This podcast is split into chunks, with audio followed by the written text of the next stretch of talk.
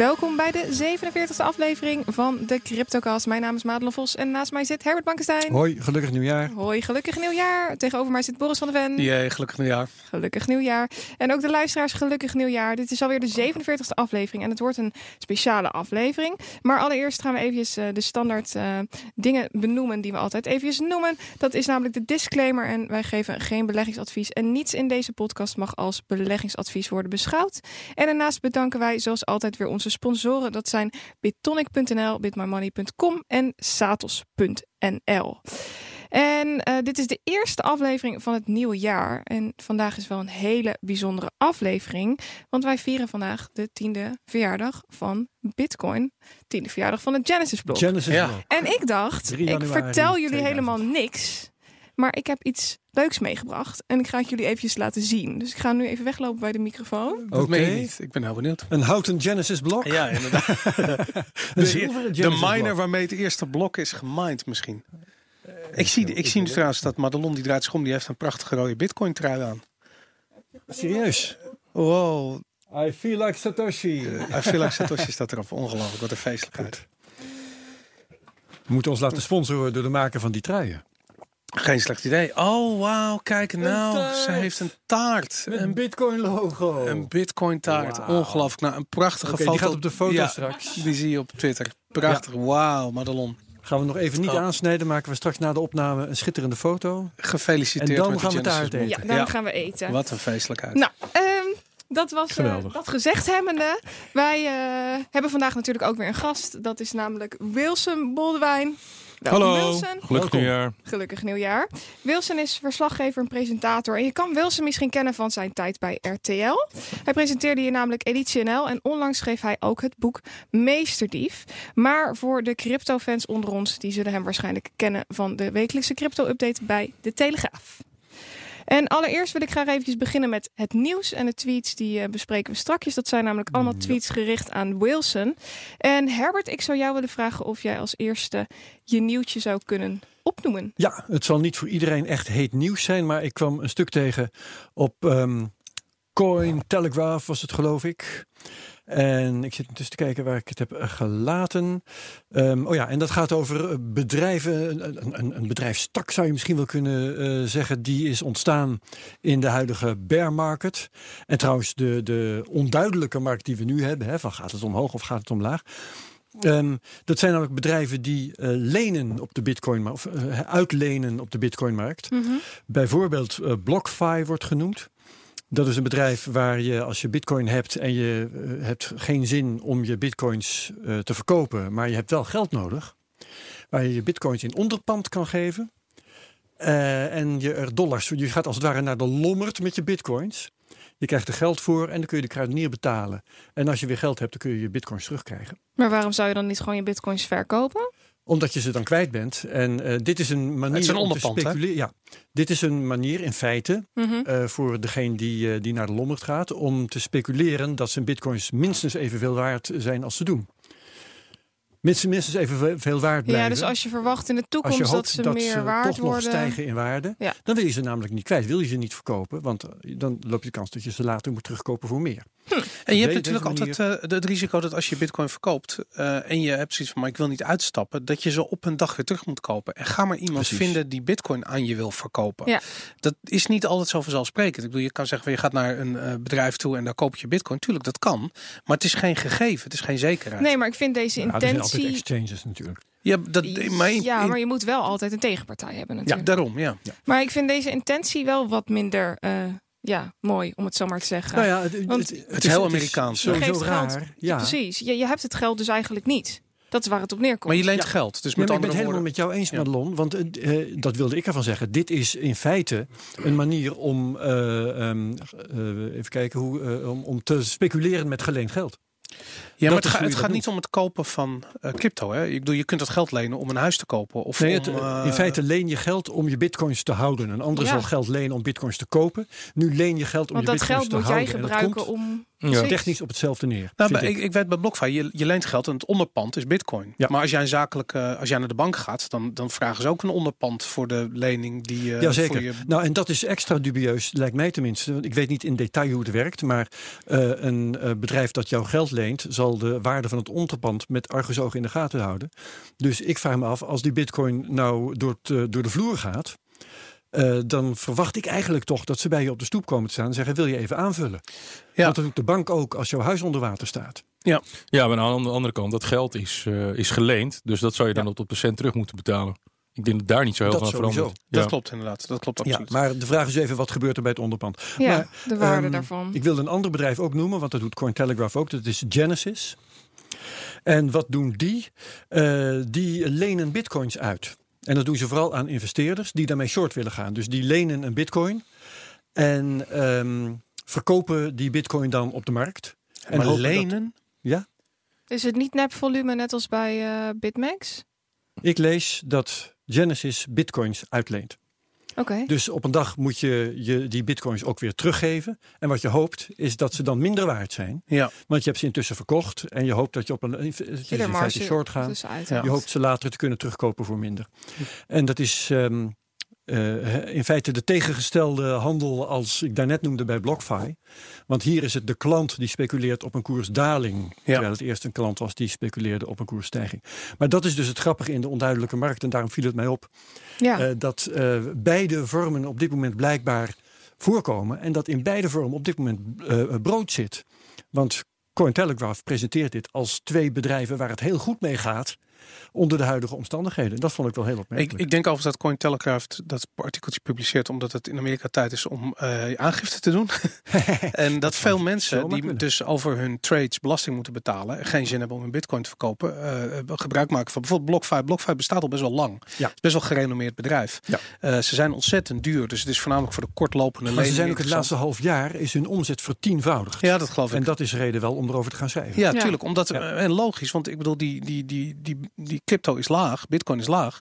Dus het, het is aantrekkelijk om dat op dit ogenblik eh, eh, te houden. Of zelfs eh, als onderpand te gebruiken om meer te kopen. Ja. Te accumuleren en daarna eh, hopelijk mee te Ja. liften op het... eh, Ja, zeker. Want het e- meest extreme wat je kunt doen is je bitcoins in onderpand geven, geld te lenen en daar dan nog bitcoins voor te kopen. Ik weet zeker dat er heel veel mensen zijn die dat doen. Al moet ik zeggen, de rente is eh 7% dat je bij dan weer leverage. Ja, nee, er zijn, die tarieven zijn niet mals. Daarom, ja. Dus je moet echt wel flink scoren, wil je dat eruit krijgen. Dus wat dat betreft kun je beter nog met je eigen geld speculeren, denk ik, als Ja. je dat hebt.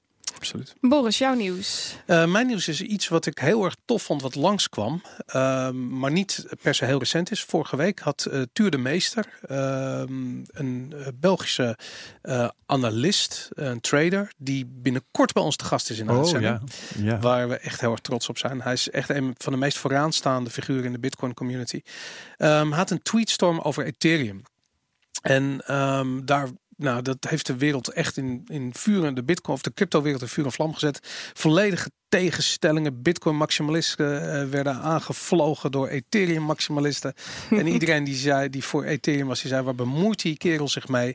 Ehm, en het grappige is dat Tuur is een van de meest bescheiden, lieve, welbespraakte ehm, eh, mensen die op dit ogenblik actief zijn in die community.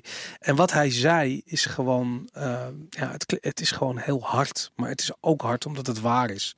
En wat hij eigenlijk zei, waar zijn hele tweetstorm op neerkwam, is van ehm, Ethereum is in elk opzicht het tegenovergestelde van wat Bitcoin is, maar ze claimen hetzelfde. Namelijk een soort van decentrale oplossing voor eh, een soort waardetransactie, eh, immutability, eh, store of value, asset issuance en smart contracts. Dat is wat ze zeggen. Maar hun aanpak is volledig anders dan dat van Bitcoin. En, en de- ik denk dat hij daarmee de spijker op zijn kop slaat. Ehm, en voor mij is dat, dat hebben we ook in de eindejaars eh, aflevering nog even besproken. Dat we eigenlijk gezien hebben dat het kaf zich een beetje van het koren aan het scheiden is. begin 2019. Je bedoelt eh, wat coins betreft. Wat coins Ja, betreft, ja, ja. dat Bitcoin echt een, een, een straatlengte voorsprong heeft op de rest. En dat zie je gewoon ook terug in dit soort discussies. En het is gewoon pijnlijk. Ik bedoel, we hebben Ethereum al eh, onder de 80 dollar zien zakken. Ehm, Het doet het wel weer goed In trouwens. ja, verdubbeld. tuurlijk. Ja, tuurlijk. ja, ja. Dat, dat, dat kan natuurlijk. Maar, maar zijn, eh, zijn argumenten zijn eh, heel onderbouwd. En ehm, ja, je, je, je kunt er niet al te veel op afdingen. Heb jij het antwoord van Vitalik ook gezien? Ja, ja, ik vind... Ik, ja, Ik hij- niet, vertel. Ja, hij, hij geeft een antwoord waarin hij bijna alle punten van Tuur probeert te weerleggen. Maar sterk, ja, Het is hij doet sterk. zijn best. Maar ja, hij, geeft zelf ook toe dat sommige dingen die Tuur aangeeft, dat, dat, ja, dat Tuur daar wel gelijk in heeft. Maar ja, daar zijn ze mee bezig. Daar zijn ze mee aan het bouwen. En voor Ja. de luisteraars en voor mij trouwens ook, want ik heb het niet gevolgd. ehm, wat eh, zegt Tuur over Ethereum verder? Nou, hij heeft een aantal, hij heeft maar liefst 20 tweets. Ja, eh, één maar of twee is goed. Een, een, een, van de, de- een van de belangrijke dingen bijvoorbeeld, eh, wat hij zegt, wat ik heel interessant vind, is dat eh, bijvoorbeeld dat hele proof of stake verhaal. Hè, dat Oh, ja. we, hij zegt van dat is, dat, dat, dat, is een filosofie. Dat gaat helemaal nooit gebeuren. Dat Gaat kan helemaal niet. Nee. En dat is logisch. En ik bedoel, ik, ik deel Ja. dat echt, dat idee met hem. Ehm, En dat Ethereum geen fixed aantal heeft natuurlijk, zal Da- er ook wel bij da- zijn. natuurlijk, dat zijn allemaal Ja. dat soort dingen. Ehm, eh, dat eh, developers van Ethereum, zoals bijvoorbeeld Vlad eh, Zamfir, die een van de eerste was, ook gewoon zelf zegt: het is geen geld, het is niet veilig, het is niet schaalbaar. Ehm, ja, dat is gewoon allemaal waar. Wat, wat, wat, daar kun je niks op. Ik bedoel, iedereen die wel eens geprobeerd heeft om een Ethereum-nood te draaien, die komt erachter dat het onmogelijk is. Het kan niet. Hmm. Het is onmogelijk om dat allemaal down te lopen. Wij hebben hier wel eens gezegd, eh, eh, voor Bitcoin heb je intussen dat Lightning-netwerk. Dat gaat op alle coins neerdalen. Kan dat dan bij Ethereum niet ook? Eh, ja, zij hebben iets dat heet Raiden volgens mij. Dat is hun eigen variant van Lightning. En dat Ja. zouden ze moeten doen. Maar het, het, het probleem blijft dat eh, eh, Ethereum eh, ehm, ja, bijvoorbeeld een, een, een- een programmeertaal heeft die Turing complete is. Met andere woorden, er is altijd wel een slimme hacker die ergens eh, misbruik kan, van kan ja. maken. En dat zie je ook keer op keer gebeuren. Dat hebben we met de DAO-hack gezien. En dat Ja. hebben we gezien. nou, ik ben even de naam van die andere wallet kwijt. Die, waar Ja, ja, ja. 100 miljoen in zit, geloof ik. En die, dat, die niet meer toegankelijk ja, die niet meer toegankelijk is inderdaad. Ja, ja, ja. En dat zul je blijven zien. Dus ja, de Ethereum, eh, Tuur zegt Ethereum is een, eh, een wetenschappelijk experiment, een technisch wetenschappelijk experiment. Eh, niet meer, niet minder dan dat. Het is geen 13 miljard waard.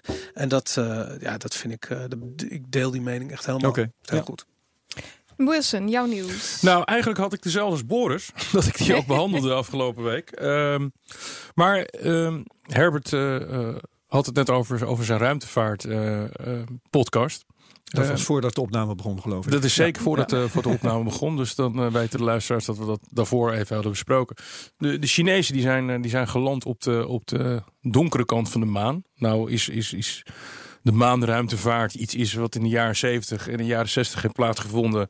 En dat moeten we nu weer even fast forwarden naar 2018. Van is dat nog allemaal zo spannend? Is dat allemaal nog, nog zo relevant? Ehm, Zouden er, eh, zou crypto of zou blockchain eh, in de toekomstige ruimtevaart een, een, een, een rol kunnen gaan spelen? Of zijn dat twee hele separate werelden? Eh, als het gaat om aandeel, aandeelhouder ervan zijn of. of eh, We gaan sowieso naar de maan. Hè? Dat, Ja, precies. Herbert, Her- ik moest daar vanochtend nog over nadenken. Herbert die zit al op de maan eh, met zijn met zijn podcast, maar, maar crypto nog niet. En ja, het is, is best wel interessant als je ziet hoe sloom, ehm, ja, sloom, ik weet niet of ik dat moet, zo moet zeggen, maar eh, hoe langzaam het eigenlijk is gegaan, het hele ruimte, ruimtevaart en, en naar de maan. En nog steeds is het zo duur om. We kunnen nog steeds Ja. niet met een tripje naar de maan met z'n allen. maar dat is met heel veel En- dingen zo. Hoor. Ja. Er zijn oceanen die nog lang. nooit onder- onderzocht zijn. En er is zoveel eigenlijk nog niet gedaan. Dat maar als je dat Ja. vergelijkt met, met de hele crypto space, dan is dit eigenlijk heel snel gegaan. Terwijl wij met z'n allen zeggen Ja. van nou, het gaat echt super sloom. Maar in tien jaar moet Ja. je kijken wat er, wat er nu staat. Maar wacht even, dat is misschien wel heel interessant wat je nou zegt. Want de ruimtevaart is ook in tien jaar tijd eh, verschrikkelijk ver gekomen. Dat was namelijk tussen 1960 en 1970. Toen eh, eh, Van niets. Kennedy, Iets. van, van helemaal niks stonden ze opeens op de maan. Ja. Daarna viel het stil. Eh, je Zeggen zou ze je zomaar dat ze op de maan stonden. Ja, dat- Vooruit. Laten we het daarover gaan hebben. Kom maar een keer in onze podcast. Ga ik zo trouwens wel iets over zeggen. Maar, maar eh, stel je voor dat het nu met crypto ook zou stilvallen voor 40 jaar. ja. Ja, dat zou Dat Daar zou wel stil van, ja. hè? Ja. Ja. Dus eh, ik zeg niet dat het gebeurt, maar eh, we hebben met ruimtevaart echt gedacht dat we in 1980 op Mars zouden staan. En dat is niet gebeurd. Hoe is dat met het internet gegaan dan, Herbert? Want daar, daar duren processen ook heel erg lang, zei je een aantal Ja. weken geleden. Eh, sommige dingen duren lang. Ja, ik, ik zou dingen kunnen noemen die lang hebben geduurd. Ik herinner me bijvoorbeeld dat op een gegeven moment gezegd werd van nou, we gaan toch naar HD toe. Maar dan praat ik over 1982. En eh, toen ik in de journalistiek eh, voor het eerst kwam kijken. En eh, voordat we echt HD-tv's hadden en, en, en dvd's en dergelijke, waren we echt decennia verder. waren we echt gewoon twee decennia verder. En het is abstracter. Hè? Dus ik bedoel, internet ontwikkelde zich naar een, langs een pad wat we niet konden overzien. Dus we hadden Ja. geen idee wat er ging gebeuren met het World Wide Web toen er opeens plaatjes in Netscape te zien waren. Terwijl bij Bitcoin of bij ruimtevaart hebben we hele concrete doelen van het moet, het moet de, de, de, de wereldmunt worden of we moeten naar Mars. Of weet ik wat, dat kun je echt visualiseren. Ja. dus dat, dat was bij internet was dat niet het geval eh, bij mijn weten. Nee, maar internet vind ik eh, eh, heeft niet echt een periode van stagnatie gehad. Wel zijn er een paar dingen geweest die ook veel tijden- die gebarst is misschien. Ja, ja.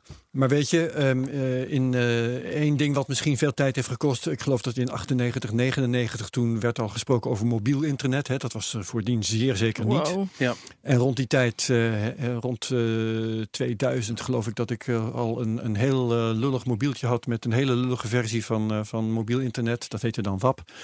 Maar hè, Oh, dat, WAP, dat ja. werd pas, pas met de iPhone in 2007 werd dat echt een beetje realiteit. Ja.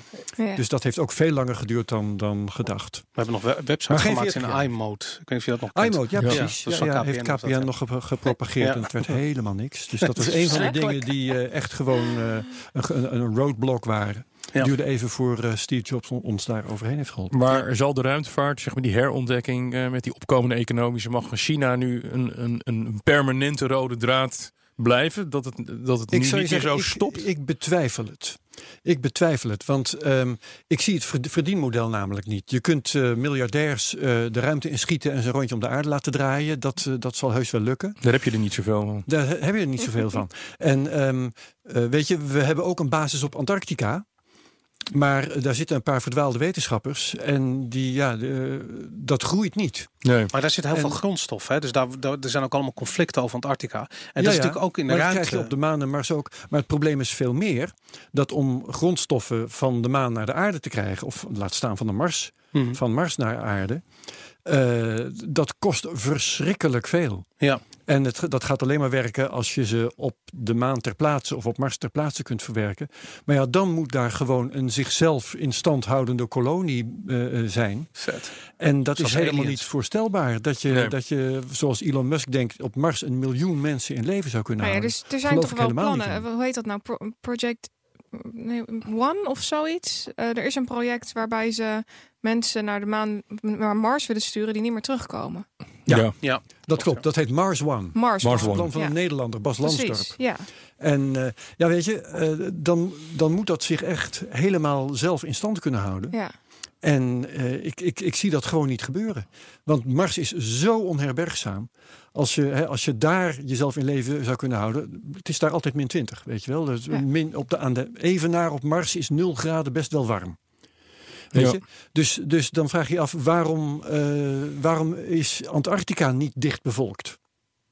Want dat is namelijk veel makkelijker te doen dan Mars dicht bevolken. Nou, als die opwarming van de aarde een beetje opschiet, dan eh wordt Ja, Antarctica een place to be. Jazeker. Nee, en, en ook het verhaal van Elon Musk en consorten van we hebben een backup planet nodig en de, de mensheid moet een multiplanetary species worden en zo. Eh, het is bullshit, want als we onze aarde verkloten, dan kun je nog altijd beter hier in een ruimtepak gaan rondlopen dan Ja. op Mars. Ja.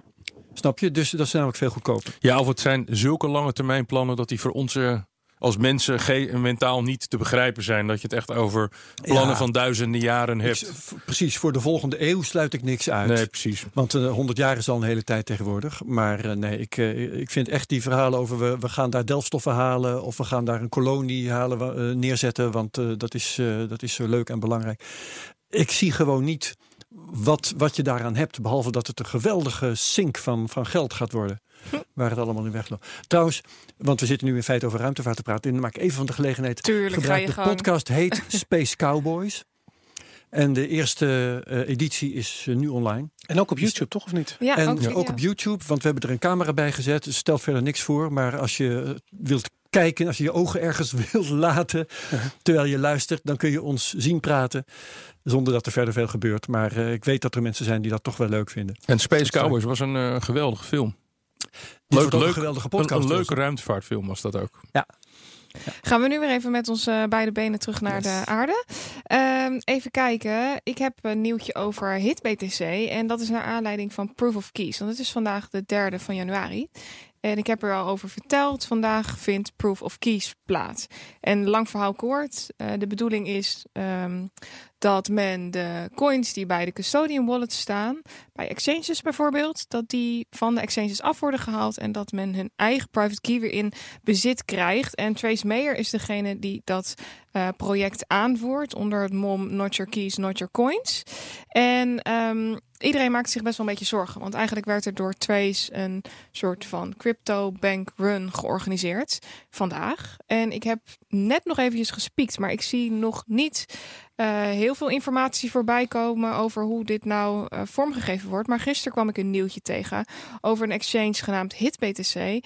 En die bevriest zijn nieuwe toetreders. Uh, althans, gisteren bevroor die de nieuwe toetreders tot die exchange. Tot op de dag van Proof of Key. Om te kijken hoe dit, hoe dit nu tot uitwerking treedt. En ik vind dat best wel een interessant iets. Want dat betekent dus eigenlijk wel dat ze iets te verbergen hebben. Want Tuurlijk. waarom zou je anders zeggen? We stoppen nu de nieuwe mensen. dus, dus wellicht heeft wat er nou uiteindelijk uitkomt, of er nou wel een, een bankrun ontstaat, of dat er een exchange failliet gaat of niet. Uh, Meyer heeft in ieder geval exchanges wel wakker geschud hiermee. Ja. En ik hoop ook een heleboel mensen. Ik denk dat vooral, want ik denk dat mensen zich gaan realiseren dat, dat uh, het als uh, ondernemer en je hebt zo'n exchange zo aantrekkelijk is om op een gegeven moment een soort van uh, fractional reserve banking te gaan doen en zelf je eigen crypto te gaan bijdrukken. Ja. daar komt namelijk toch niemand achter. zeker, zeker in zo'n bear markt is dat aantrekkelijk. Um, ja, dit gaat, je gaat hierover nadenken. En ik denk dat mensen zich realiseren van ja, de, als dat zo voor de hand ligt, dan zal het waarschijnlijk ook wel gebeuren. Ja. En ja, het gaat er maar vanuit dat het ook gebeurt. Nou ja, dit, dit, dit, oh, sorry. Ja. ja dit, dit, lijkt me wel een van de tekenen dat, uh, dat ze het nu stilleggen. Ja. ja. Ik kom op een idee. Uh, we hebben end-to-end uh, -end encryption bij, bij chat-apps, bij WhatsApp en Signal en dergelijke. Uh -huh. Dat zijn dus diensten waarbij uh, de, de, de online dienst, Signal, WhatsApp, noem ze maar op, Facebook Messenger, uh, berichtenverkeer afwikkelt. Terwijl uh, ze niet kunnen ontcijferen wat je doet. Hè? En de, de keys berusten gewoon bij de gebruiker zelf. Dan heb je dus een dienst en de keys berusten. Waarom kan dat bij crypto eigenlijk niet? Eigenlijk, eigenlijk is dat, dat je... MyEther wallet. Dat is een beetje dat soort diensten. Dus dan heb je een online wallet waarbij de keys dat je als je gebruiker gewoon de keys hebt zonder dat je ze zelf hoeft te kennen misschien. Maar ze staan in elk geval op jouw device. En dat jij uh, via een dienst, of het nou uh, Bit My Money is, of Bitonic, of uh, My Ether of noem ze maar op, dat je gewoon kunt overmaken met een klik van de muis de eenvoud van die custodian wallets uh, zonder dat een andere partij jouw keys heeft. Eigenlijk, eigenlijk bestaat dat wel. Eigenlijk is dat ja, namelijk My Ether gewoon... Wallet is een voorbeeld, alleen dat werkt niet. Nou ja, het zit niet gekoppeld aan een partij die het ook gelijk kan verkopen. En dat is wat je bedoelt. Ja, Weet misschien je, je ik wil er een uitdaging van maken voor developers die dit horen. Maak dat toch eens. Ja, aan de andere kant, ik vind juist het hele idee dat je um, gebruik maakt van je eigen server, van je eigen node, van je eigen keys, van je eigen wallet. Dat is zo aantrekkelijk. Want het is, ja. uh, weet je, in deze maatschappij, we, we, we, we moeten iedereen vertrouwen. Vertrouwen de bank dat die betalingen aankomt, nou goed, enzovoort. Iedereen zegt van vertrouw mij maar. Maar in crypto heb je juist tegenovergesteld. Dan kun je dat allemaal zelf doen. Dus ik denk van ja, als je dan daar allemaal diensten gaat bouwen waar je weer anderen moet gaan vertrouwen. Ja, uh, ja dan zijn we gewoon het kopiëren wat we al hebben. Maar we praten ook over acceptatie. En uh, niet iedereen voelt zich gemakkelijk bij het Absoluut. omgaan met keys van 54 karakters. Absoluut. Ja. En alle andere moeilijke dingen, hoepeltjes waar je doorheen moet springen. Ja. Dus als je het makkelijk kunt maken zonder dat je Uh, en dat, waar, waarbij je dus meer in, de, in techniek vertrouwt dan Ja. in personen of bedrijven, Ja. dan zou het toch wel een oplossing zijn, Ja. denk ik. Ja, dat zou kunnen inderdaad. Ja. Ik pak ondertussen even mijn uh, documenten weer bij. En dan gaan we nu door naar de prijsanalyse. Uh, er is afgelopen periode niet heel veel gebeurd. Althans, ik vind van niet. Uh, bij Bitcoin dan. Maar bij de overige crypto's, of althans als we even Ether erbij pakken, zien we nu een behoorlijke forse koersstijging. Ondanks dat het Ja. verhaal van uh, Tuur niet zo heel erg positief was. En uh, Ether maakt nu momenteel een dubbele top. Dus het is nu even afwachten of die nu naar beneden ketst of niet. Op basis van die negatieve divergentie. En ik pak Bitcoin er ook gelijk nog eventjes bij. Want um, normaal bespreken we altijd Bitcoin. Maar ik kon dit eventjes niet uh, achterwege laten. En op de Bitcoin grafiek zien we een hele duidelijke head and shoulders. En dat is een patroon die ja, op basis van schouder, hoofd, schouder plaatsvindt. En hier, op basis hiervan kun je de klap- en flapregel toepassen. ik dacht al, Nieuwe woorden een en flap. Klap en flap. nou, daar gaan we. En uh, je kan dus een berekening maken van een koersdoel. En dan zou, als we positief uitbreken, zou de koers terug naar de 5300 dollar ongeveer kunnen. Eh, echter is de vraag of we positief gaan uitbreken, want het patroon vindt plaats op de vier uur.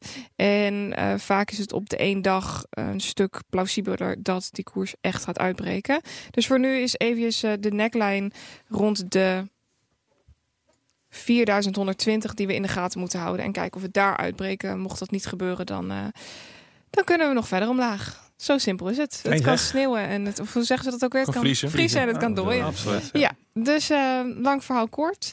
Uh, ik weet het ook niet zo goed. dan gaan we nu weer Toch beleggen. Ja. Ja. Um, Herbert, zou je willen beginnen met jouw stand? Ja, mijn stand is uh, grappig genoeg vrijwel gelijk aan die van... Um, Twee weken geleden moet ik zeggen, want vorige week hebben we teruggeblikt naar het vorige jaar. En waren we dus niet uh, bezig met, uh, met onze vaste rubrieken. Um, terwijl ik zelf ook een beetje zit te zoeken naar waar heb ik het allemaal gelaten. Zal ik het voor je ik, ik had 154 euro, dollar 70. Ja. En ik heb op dit moment 153,92. Dus ik ben marginaal net een beetje naar beneden gegaan. Ja. En uh, dat is eigenlijk alles op dit moment. Nou, mooi. Ik ben ook marginaal. Ik had 206,25 dollar de laatste keer. En het is nu 198,22 dollar door de belangrijke psychologische 200 dollar grens heen maar ik, uh, ja, nee, ik, uh, ik, ik, was er ook niet echt mee bezig. Ik heb alleen maar bitcoin. Ik merk ook wel dat, dat mijn interesse of zo steeds minder wordt. Dat ik zoiets heb van, nou ja, wat er nou op die portefeuille staat, ja, zal, zal allemaal wel. Ik denk dat heel Nederland dat met je deelt. Dat, de uh, tijd dat ik mijn wekker niet meer zet, uh, s'nachts, is uh, te kijken dat Azië gaat doen. dat is Ja. echt, ligt al heel lang achter ons. dat ja. Ja. ja. En, en al waren wel mooie tijden. die Kijken we stilgevallen terug. groepjes en zo. ja. Ja. Ja, ik sta nu, uh, of althans vorige week stond ik op 772,40 en ik sta nu op 763,80. Dus ook een Ja. klein verschilletje. Het maakt weinig uit wat er gebeurt. Dat is eigenlijk hoe we er allemaal Ja. over denken op dit Ja. moment. Hè? Ja, we Ja. gaan het zien. Ja. En Herbert, jouw 100 dollar per week project. Ja, nou ja, uh, voor de 39ste keer 100 dollar ingelegd. Uh, gekocht op de huidige koers 3896 dollar. Levert mij uh, ietsje meer dan een 40ste bitcoin op, 0,025.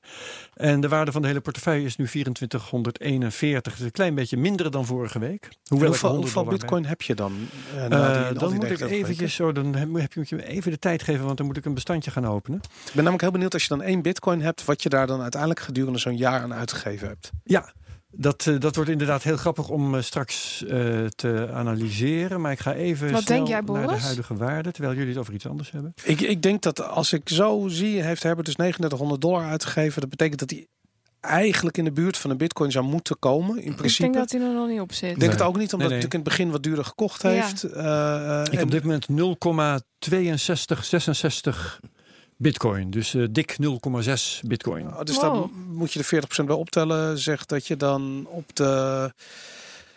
Uh, even denken, zeg dat je op je 5, 5500 dollar zit voor één bitcoin, zoiets.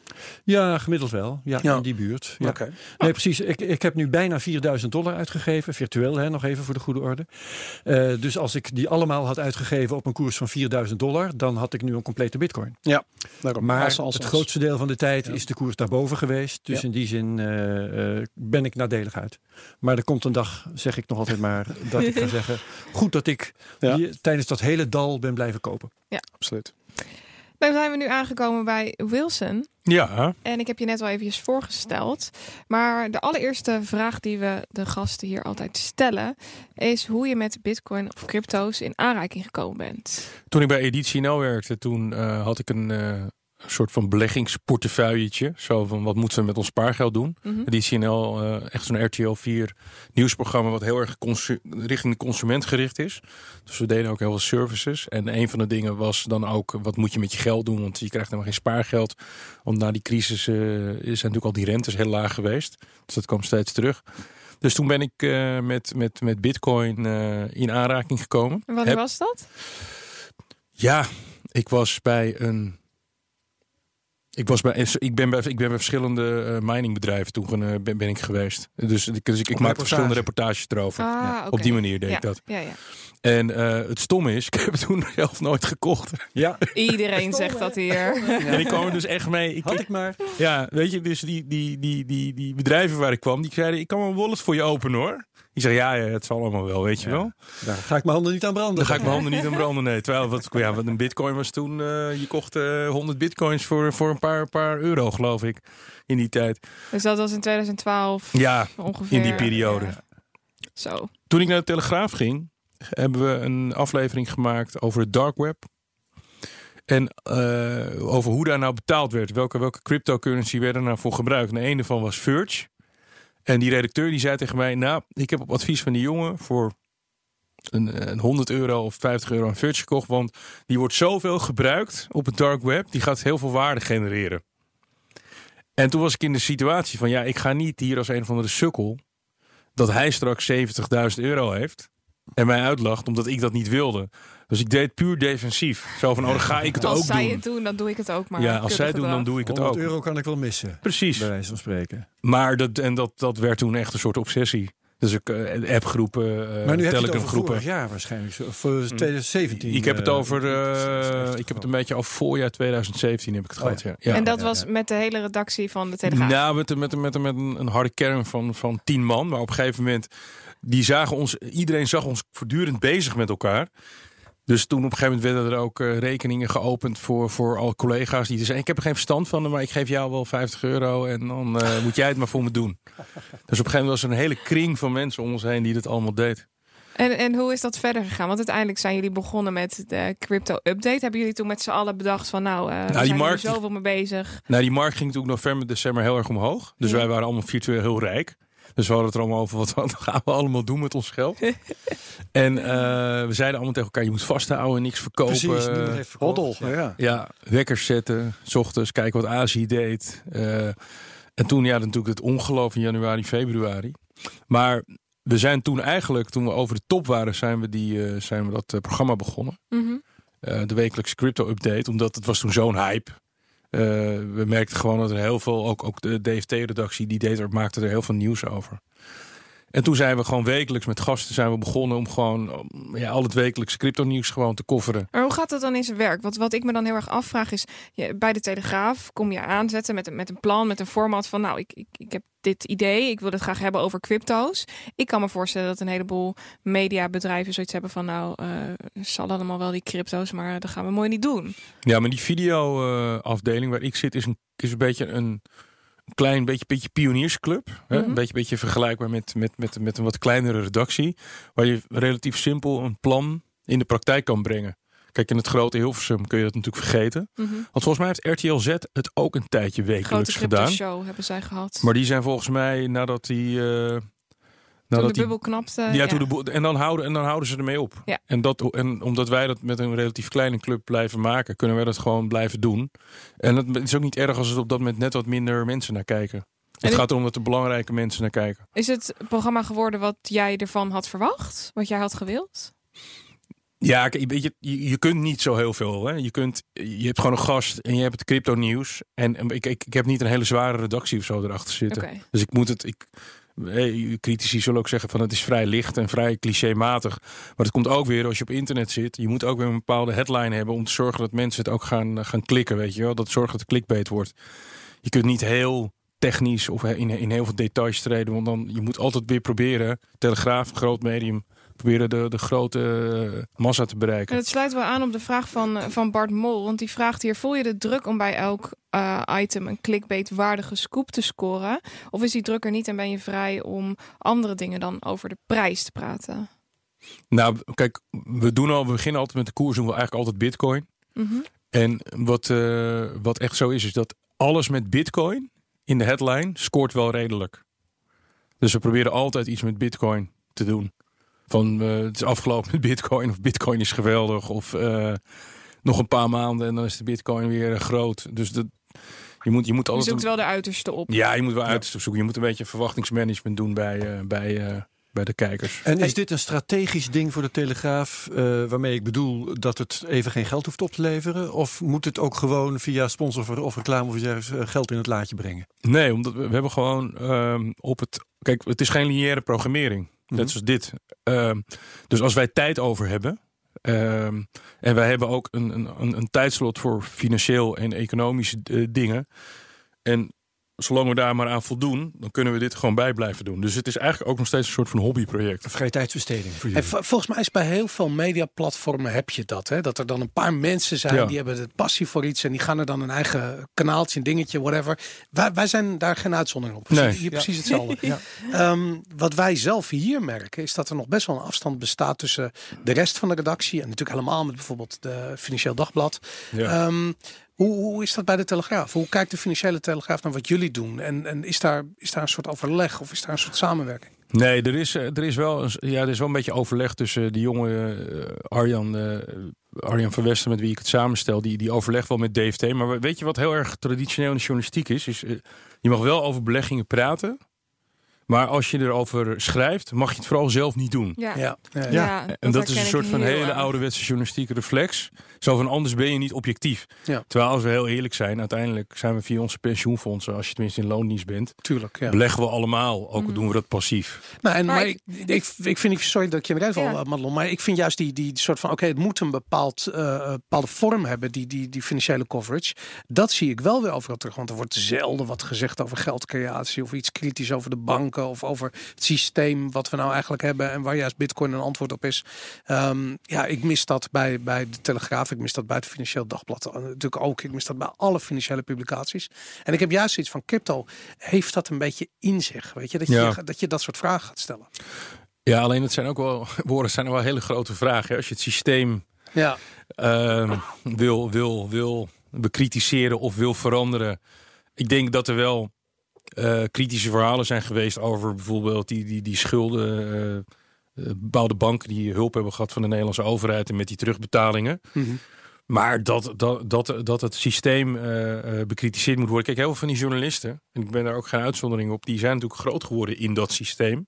Ja. En gaan ervan uit dat, dat eh, de minister van Financiën en de, en de bankdirecteuren daar allemaal wel netjes mee omgaan. Dus maar, je vindt dat niet op je weg liggen, met andere woorden. Dat hoor ik een beetje terug.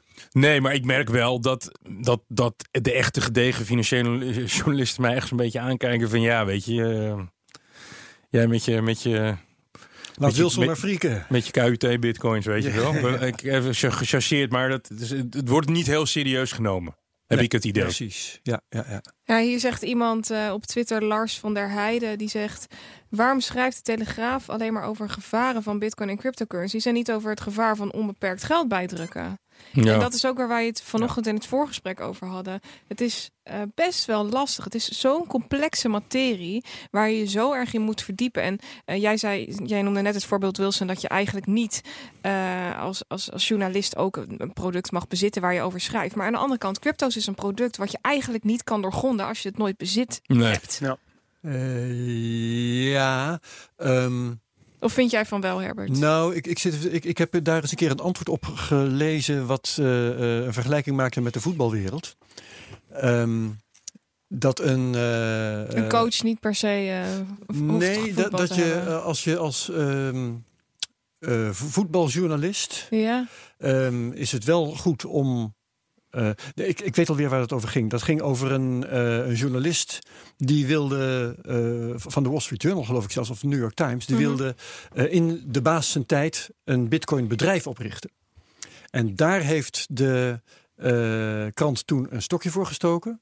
Met het argument, en dan komt de vergelijking. eh, als je voetbaljournalist bent, dan eh, is het prima als je voetbalt. Maar een voetbalclub bezitten is nou ook weer niet nodig. Hij wou een eigen coin starten. Hij wilde de, de Washington Post coin Dat- of dat zoiets. was Dat was het. het. was die documentaire Dat van jou. Washington Ja. Coin. Ja. Dat Ja. was het. Dus dat is een, dat is een, dat is een iets ander ver- verhaal. ja. En ik vind de vergelijking met eh, je moet eh, liefst wel eh, gaan voetballen. Als je voetbaljournalist bent, dan, die vind ik heel terecht. En dat zou betekenen dat het ook oké is om wat Om in bitcoin te doen, wat, te wat doen. bitcoins te hebben en het Ja. daarmee te oefenen. Ehm, daar onbeperkt eh, posities in innemen. Mhm. Dat vind ik eigenlijk wel een iets ander verhaal. Omdat we gewoon heel veel slechte voorbeelden weten. eh, vooral uit de aandelenwereld dan, denk ik. Van mensen die eh, eh, bij televisiekanalen of in kranten daarover schrijven. En Mhm. die gewoon betrapt zijn op belangenverstrengeling. Maar media is toch aan het veranderen? Ik heb het idee dat media veel meer vanuit beleving gaat. In wat langere vorm. Neem deze podcast bijvoorbeeld. Of neem Ja. jouw Ja. items Wilson op, op, op de Telegraaf. Eh, je, je hebt de ruimte om juist heel erg vanuit de emotie over iets te praten. Ik bedoel, ik, ik heb ooit een keertje onderzocht bij GameKings. En dan zag ik van dat mensen zich helemaal niet willen informeren over een bepaald onderwerp. Ze willen hun mening bevestigd zien door iemand die Ja. als autoriteit zien. Ja. En dat, ik denk dat die dynamiek echt centraal staat in waar media naartoe gaat. Dus ik kan me voorstellen dat juist daar ook de vernieuwing zit in dit soort podcasts, maar ook in jouw item, video-items. Maar ik weet niet of dat per se de goede richting is. Omdat je dan altijd iemand zoekt die een bevestiging kan geven. Ja, en we ook zitten in een experts bubbel. weten. Of. Ja, je zit, in, je zit in een bubbel op dat ogenblik. Da- en dat gebeurt ook. Je Een filterbubbel in dit geval. daarom, ja, Ja. je luistert de, de, de podcast die eh, jouw mening bevestigt. eh, je, je volgt de mensen die jouw ideeën over crypto kunnen bevestigen. En daarom zie je ook, eh, en ik denk dat, dat dat is zeker aan de hand in, met bitcoin en met bitcoin maximalisme. Eh Wilson, jij zegt al van eh, bitcoin scoort goed. Eh, ja, tuurlijk. Omdat want- mensen dat kennen, ze ken- dat kennen ze vanuit, vanuit van die hele vreemde crypto wereld. Ja, en doe 10 items over bitcoin. En je hebt bitcoiners die kijken, die willen bitcoin item Ja. Zien. Dus die scoren beter. En Ja. dat is natuurlijk een, een, een self-fulfilling prophecy. Hey Wilson, ehm, wat voor publiek bereik jij? Ja, dat is dat heel ook? divers. We hebben eh, Tom Coronel, die was laatst eh, bij ons. Gingen we hadden we het over een Grand Prix. En toen eh, zei hij van, eh, ja, ik kijk altijd jouw jouw Bitcoin eh, of jouw jouw crypto-update. En toen hadden we Danny de Munk. Daarna een keertje. En die zei dat hij het ook altijd keek. En Ja. het is altijd het vertrekpunt. Ze, hebben, idee, ze hebben ooit die wallets. Ze hebben ooit een wallet aangemaakt. Ze hebben ooit bitcoins gekocht. Ze wilden allemaal rijk worden. En, en ze probeerden dat een beetje bij te houden. En die, nee, die crypto-update die ik dan doe... is een van de weinige Nederlandstalige video-items... die wekelijks probeert een beetje een update eh, te geven over, over crypto. Ja. Dus het is... Maar als je bijvoorbeeld... eh, ik had een keer iemand over Ripple. En als je dan ziet op Twitter... wat er dan gebeurt, jongen Ja, oorlog. Over Ripple en, echt van die Ripple believers. En ik, ik schrik af en toe van die bijna religieuze beleving ook, moet je heel eerlijk zeggen hoor. Ja. Maar mensen hebben er geld in zitten. Dus dan, en Holy dan krijg je die Ja. religieuze... eh, Ik heb toevallig een jaar geleden een artikel geschreven over Ripple, waarin ik dan Ripple en XRP uit elkaar zette. En ik heb het hele internet over me heen gekregen. En vorige week moest ik daar, eh, of moest ik daar, het werd mij gevraagd of ik wilde uitleggen hoe ik tegen Ripple aankeek. En ik was eigenlijk gewoon bang om te zeggen wat mijn echte mening was over Ripple. En uiteindelijk heb ik wel goede reacties gekregen, gelukkig, thank God. Maar ehm, je krijgt zoveel, zoveel ehm, eh, eh, bijna g- gelovigen achter je aan die Ja. eh, op zo'n bepaalde manier tegen een bepaald product Niet aankijken. alleen En, voor Ripple, hè, ook van andere coins. ja, en ik Ja. ben er juist voor om iedereen in, in, in zijn eigen waarde te laten. En als jij Ripple-fan bent, prima, maar ik doe lekker wat anders. Ik, ik vind dat niet helemaal. Omdat ik, ik vind namelijk dat er altijd heel veel aannames gedaan worden. En er wordt juist bijvoorbeeld de kritiek die Tuur heeft op Ethereum. Daarvan wordt ook vaak gezegd van, of daar werd veel van gezegd van ja, maar eh, waarom kunnen we niet met elkaar allemaal eh, vrienden zijn? En samen, Kom maar, ja. maar daar gaat het helemaal niet om. Het gaat, het gaat daadwerkelijk om een visie. En ik denk dat er mensen zijn die. gewoon- Kijk, als jij een, alleen maar puur als trader kijkt naar, naar die coins. Prima, weet je. Ik bedoel, je koopt la- laag, je verkoopt hoog. En of het nou Ripple is of Virtue, wha- whatever. Het maakt niet uit. Maar als je erin zit om iets anders. En dat merk ik bij mezelf heel erg. Dat je juist zoiets hebt van. Ik wil dat ook die revolutie werkt. Weet je. Ik wil ook dat dit een statement is tegen de manier waarop centrale banken met geldcreatie omgaan. En een, een poging om te laten zien wat er kan gebeuren op het moment dat dat niet zo is. En er zijn voorbeelden uit de geschiedenis die ontzettend interessant zijn, waar ik nooit iemand over hoor. Waarbij ik zoiets heb van ja, de- er is wel degelijk. ehm, eh, eh, ontzettende behoefte aan, aan, aan eh, een, een, een financieel systeem wat draait, wat niet draait om inflatie. En dat. ehm, Maar ben jij dan iemand die zijn mening dan en zijn visie dan doorpusht? Van nee, maar het is zo. Nou, in de zin van dat ik merk dat mensen er niet over nadenken. Weet je, ik bedoel, als je kijkt naar dat bijvoorbeeld mensen worden zieker en zieker en zieker in deze maatschappij. Dat is met, met een paar stappen te herleiden tot inflatie. Eh, de, de kwaliteit van producten gaat omlaag, omdat gewoon de prijs omhoog gaat. Dus of je gaat in, omhoog in prijs, dus een biefstuk is duurder dan dat die tien jaar geleden was. eh, eh, of, Of de kwaliteit naar water beneden. in het biefstukje. Ja, De, en of de, je eet gewoon een hamburger voor die 2 euro van, Ja. van fokvlees waar antibiotica in zit, whatever. Ja. Maar uiteindelijk, aan het eind van de rit, de hele maatschappij zit zo in elkaar. Ja. En dat, daarvan heb ik gewoon zoiets van: het is tijd dat mensen dat gaan zien. En als iemand dan zegt van ja, maar eh, Ethereum eh, kan smart contracts, heb ik zoiets van. Je snapt niet waar het, waar het werkelijk om gaat. Weet maar je? Ik Boris, ik, eh, ik- vind dat idealisme prachtig en ik Uh-huh. deel dat ook tot op zekere hoogte. Eh, maar ehm, ik, ik eh, ben al heel vroeg gaan zeggen, eh, dan bedoel ik, eh, weet ik veel, één of twee jaar geleden, vind ik nog best wel vroeg, Mhm. eh, dat ehm, ik vrees dat de kapitaalkrachtige eh, krachten in de financiële wereld zich vroeg of laat van eh, crypto meester gaan maken. Dat Facebook en Amazon met een eigen coin komen en die worden gebruikt, zoals ook de, de hele wereld inlogt met Facebook overal en zoals de hele wereld eh, SSO, zijn creditcard bij Ja. Amazon, die, die gaan macht grijpen. Eh, ik las Wat uiteindelijk ook met het internet ook gebeurd is. Ja, ja, precies. Silicon Valley draait om Met het- kapitalisme. Ja. Ik, ik, ik En- weet en het ik- niet hoor. Ik bedoel, ik las vandaag ook nog, ik had bijna mijn nieuws van gemaakt, Mhm. van een bedrijf dat zwaar gesteund wordt eh, door Goldman Sachs, Circle. Mhm. Die zitten daar vet in. En dat bedrijf, daar gaat het nou in deze bear market verschrikkelijk goed mee. Ja. Hè? Dus de eerste zetten van de eh, machtige, machtigen in de financiële wereld op cryptogebied, die worden op dit moment gedaan. Maar Circle is wel Bitcoin. En ik denk, kijk, Bitcoin Ja. is een systeem. En wie het uiteindelijk heeft. Kijk, het is niet een systeem om, om een eerlijke verdeling van welvaart te Ja, maar creëren. Boris, je dat is het. gelooft toch niet serieus dat wij met deze, dit, statement in staat zijn om de banken en de overheden compleet van de, van, van de wereld Precies. af te drukken?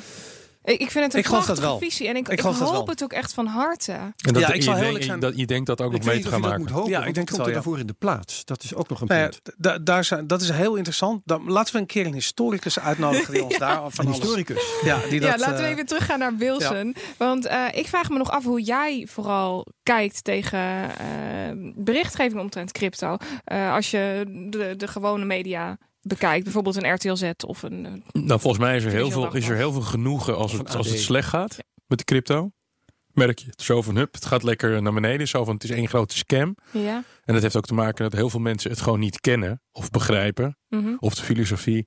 En het dan toch prettig vinden, oh, het gaat er uiteindelijk niet zo heel goed mee. En dan zien ze toch een beetje hun vooroordeel bevestigd van, zie je wel, ik had me hier eigenlijk helemaal er- in, moet- in hoeven verdiepen, maar het hoeft eigenlijk niet, want het gaat al langzamerhand verdwijnen.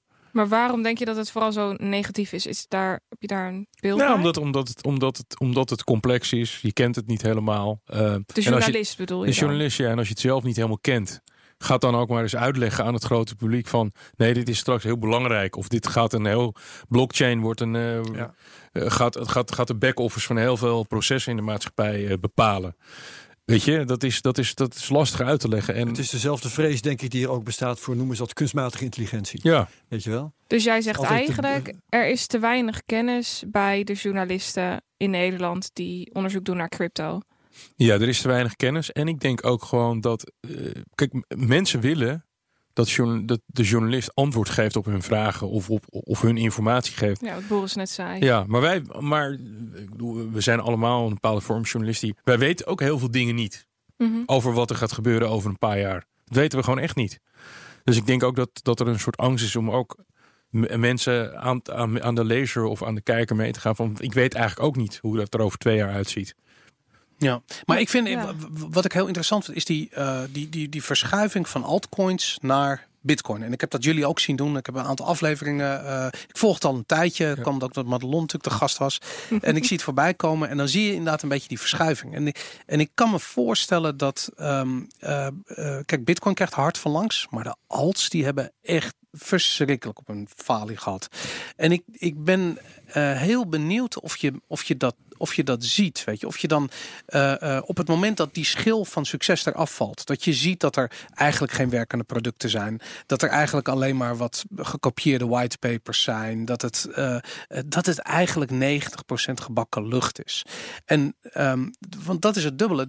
Op het moment dat dat zichtbaar wordt en je dat laat zien. En iedereen heeft zoiets van ja, zie je wel. Ik wist het, maar goed dat ik niet ben ingestapt. Dan heb ik zoiets van ja, goed. Het is goed dat dat Ja. soort kennis vertaald wordt en gebruikt gebracht wordt naar de kijker. Om te laten zien van ja, je moet wel kritisch blijven. Je moet wel goed Ja, onderzoek doen. Als voorbeeld hebben we gewoon hè, dat, dat, dat of Ripple of die coin, hè, dat, dat moederbedrijf dat wil dan eh, betalingsprocessen versnellen of, of verbeteren Ja. eh, bij, in, in de financiële sector. En ja, die twijfels over, over Ripple, die worden dan ook echt wel uitgesproken. Over Ethereum, dat, dat, dat die, ehm, dat die Vitalik, eh, ik, weet, ik kan zijn achternaam nooit uitspreken. Dat bedoel ik. Ehm, dat, dat, dat zijn coin, ja, dat het niet echt een businessmodel heeft. Dat, dat soort dingen hebben we ook echt wel uitgesproken. En uiteindelijk, als, je, als ik diep naar mezelf kijk, geloof ik uiteindelijk ook echt alleen maar in die value coins op de korte termijn. Ik geloof wel dat blockchain, hè, eh, als, we, als we die scheiding even maken, inderdaad bepaalde logistieke processen gaat verbeteren. Maar ik- denk in de eerste instantie dat we het echt over value coins hebben. En dat daar een stuk of 5, 6, 7 van over gaan blijven.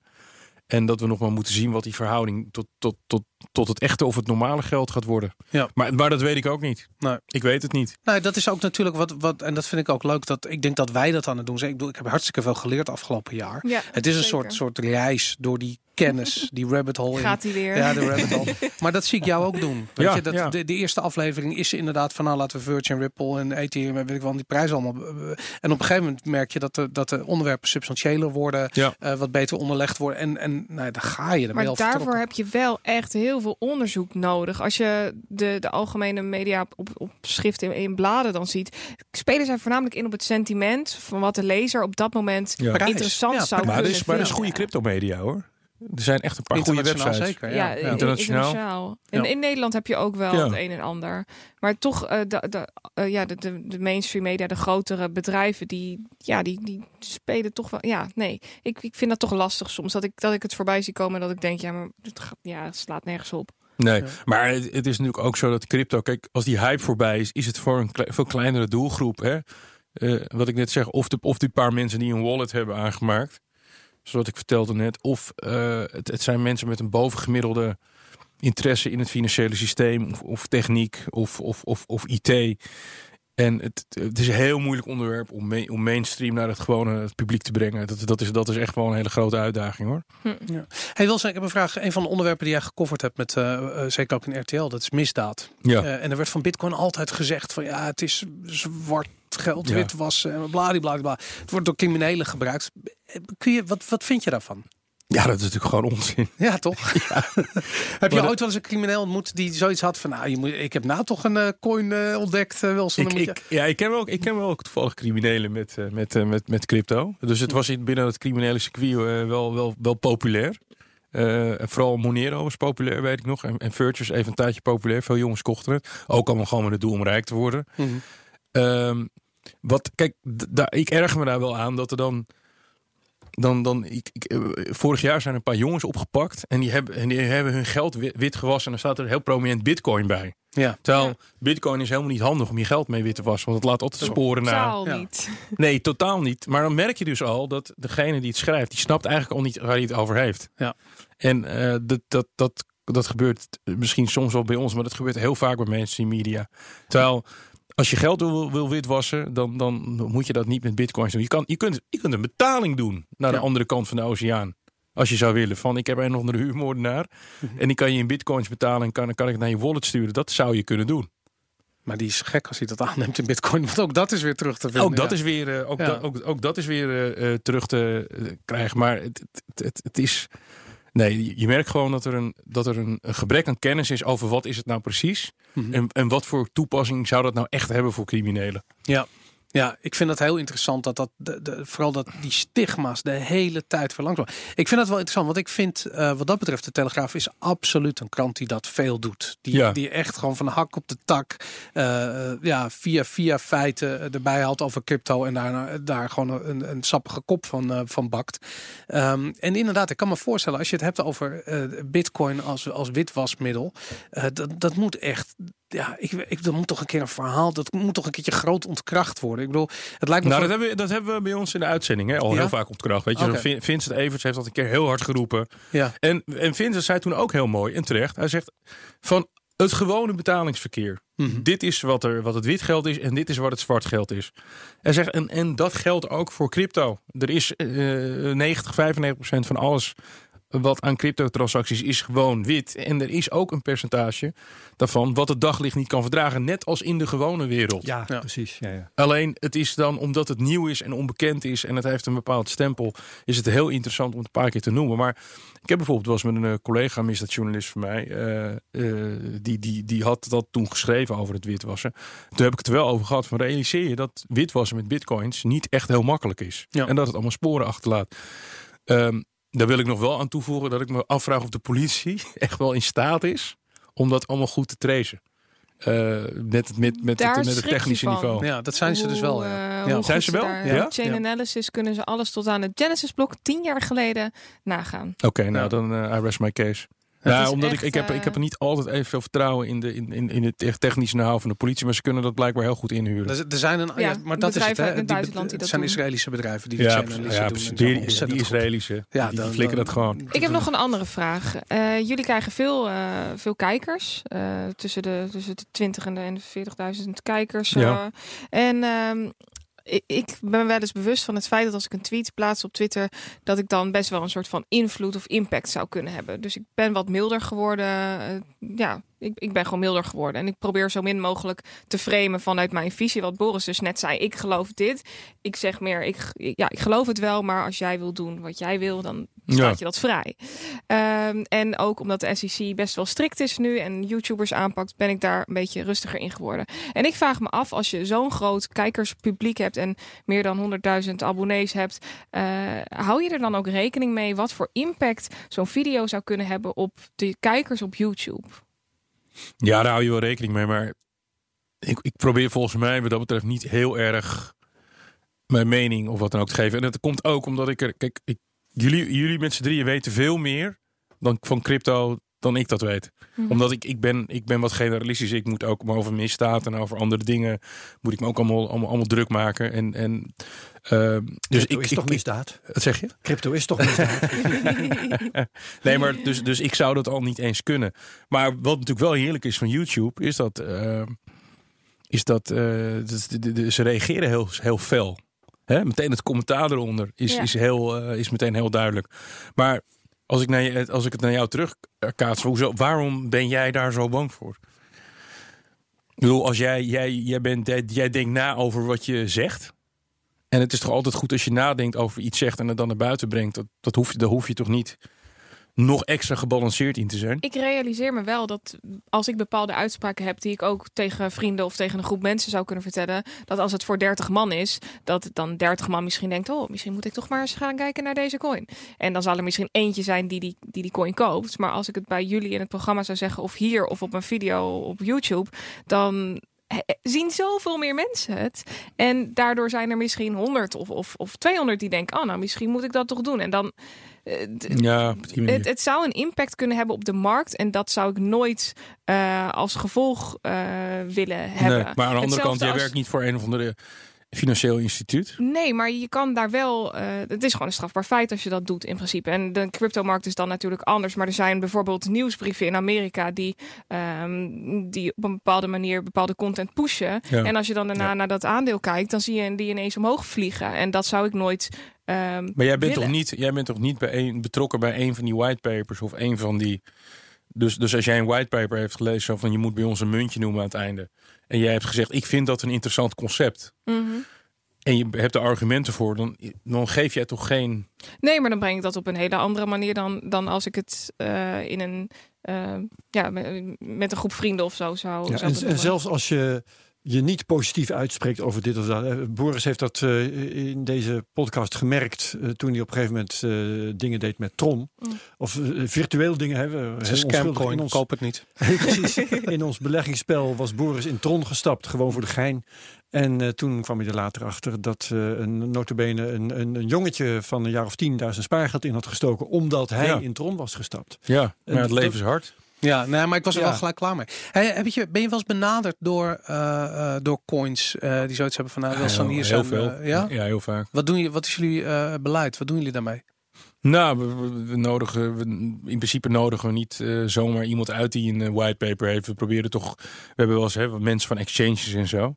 Maar ehm, eh, je, ik krijg via LinkedIn heel vaak verzoeken van kan ik niet een keer bij je in de uitzending komen. Ja. En wat je ook heel erg hebt, is dat mensen congressen willen pushen. Ja, ja tuurlijk. Dat is heel erg. Want daar zit ook een gigantische economie achter. Hè? Ja, geloof ik. Ja. Alles, dat- alles aan bitcoin en, en, en crypto en blockchain congressen. Dat is gigantisch. ja, dat is heel erg ingestort ook tegelijkertijd. Ja? Dat, eh, ja. Intussen trouwens, eh, te- terwijl ik eventjes van de wereld was eh, en, en ik jullie liet praten, heb ik iets opgezocht. Want jij, Boris, noemde net al in verband met altcoins ehm, eh, dingen als plagiaat. Ik weet niet meer precies hoe je dat zei, maar... eh, Gekopieerde whitepapers? Ja, gekopieerde whitepapers. Ja. Ehm, kort na kerst heeft de Wall Street Journal eh, onderzoek gepubliceerd. Die hebben zich verdiept in de whitepapers van eh, meer dan 3000 cryptocurrency projecten. En hebben die echt geanalyseerd. En die vonden bij eh 16% 513 eh, van die whitepapers vonden ze tekenen van plagiaat, identiteitsdiefstal. Ik weet niet precies hoe je dat in een whitepaper kunt vinden Nou, trouwens. dan maar hebben ze eh, advisors die niet bestaan. Ja, of die gewoon erop. Ja. En promises of implausible returns. Dus Ja. overdreven beloftes van. Maar wat er 16 mee- procent vind ik nog wel meevallen. Het valt eigenlijk nog mee, maar wel weer 513 stuks. Ja. Er is dus heel wat rotzooi in omloop. Nou ja, ik, eigenlijk, ik denk dat je heel eh, moet kijken. Wat is de eh, eh, aannemelijkheid dat één van die coins daadwerkelijk in staat is om een van de technische uitdagingen die zichzelf eh, hebben voorgesteld op te lossen. Ik bedoel, Ja. En Ja. dan nog eentje die eh, niet al eerder is opgelost. Da- dat ook nog eens een keertje. Kijk, de, ehm, in, in, da- daar op een gegeven moment realiseerde ik me dat. Van ja, ik, ik vind juist die, die, die anarchistische gedachte van Bitcoin. een soort van een antwoord op wat de centrale banken doen. Niet dat ik dat helemaal afkeur, maar een antwoord daarop. Ehm, dat is tof aan Bitcoin. En vervolgens heb je al die altcoin-makers. die beginnen zelf geld te drukken in de vorm van een altcoin. Dan heb ik zoiets van ja, maar dat is precies het tegenovergestelde van waar. bedoeld was. En daarom zie ik ook van ja, mensen beginnen dat te begrijpen. En mensen beginnen daarom te zien van hey, Bitcoin, daar zit niet iemand achter. In ieder geval niet op de manier zoals dat bij alle altcoins aan de, aan de gang is. En dan Ja. eh, dat geeft het een straat. En ik weet niet meer wie het eh, gezegd heeft. En of dat hier in deze podcast was of, of een keer eh off the record ergens. Maar iemand heeft ook ooit tegen mij gezegd. Bitcoin heeft een soort onbevlekte ontvangenis gehad. Hè, toen Ja. Bitcoin begon, toen was er werkelijk geen sterveling die dacht. Hier kun je stinkend rijk mee worden. Ja. En geen enkel cryptocurrency project sindsdien heeft die mooie, dat mooie rustige begin gehad. En alleen die hele, dat hele geleidelijke besef van hier zou iets heel Mag ik bijzonders een voorspelling gebeuren. Doe eens een voorspelling. We hebben natuurlijk eh, de ICO's gehad. Zo Ja. werden coins eh, gebruikt. Die, die hele hype is al ongeveer voorbij. Eh, vervolgens we Oh hebben ja, natuurlijk. Ja, ja, zeker. Ja. heb je het persbericht niet gezien? Ehm, eh, we hebben natuurlijk de fork coins gehad. Weet je, de forks van Bitcoin en de forks van de forks van Bitcoin. Dat soort dingen. Ehm, en we gaan nu iets nieuws krijgen. En dat zijn projecten die denk ik gestart zijn puur vanuit een technische eh, basis. Eh, het liefst zonder support van exchanges, geen whitepapers, geen ICO's. Eh, gewoon vanuit de techniek opgebouwd om een, om een daadwerkelijk probleem op te lossen. Zolderkamertjes werken. Zolderkamertjes werken. En dat ook koesteren op die manier. En eh, een soort van, eh, als ik advocaat voor de duivel mag spelen, denk ik in de hoop dat het daardoor geloofwaardigheid krijgt. Eh, maar niet dus eerst proberen die economische eigenschappen van Bitcoin of van Ethereum te kopiëren, maar gewoon direct een, een heel eigen ding. From scratch. En zo is Bitcoin namelijk ook begonnen. Ja. Het, is gewoon, het waren gewoon een, een, een groep technische eh, lui die, die een probleem hebben opgelost. En dat gaan we nu meer zien. Een van die voorbeelden is een eh, coin die heet Grin.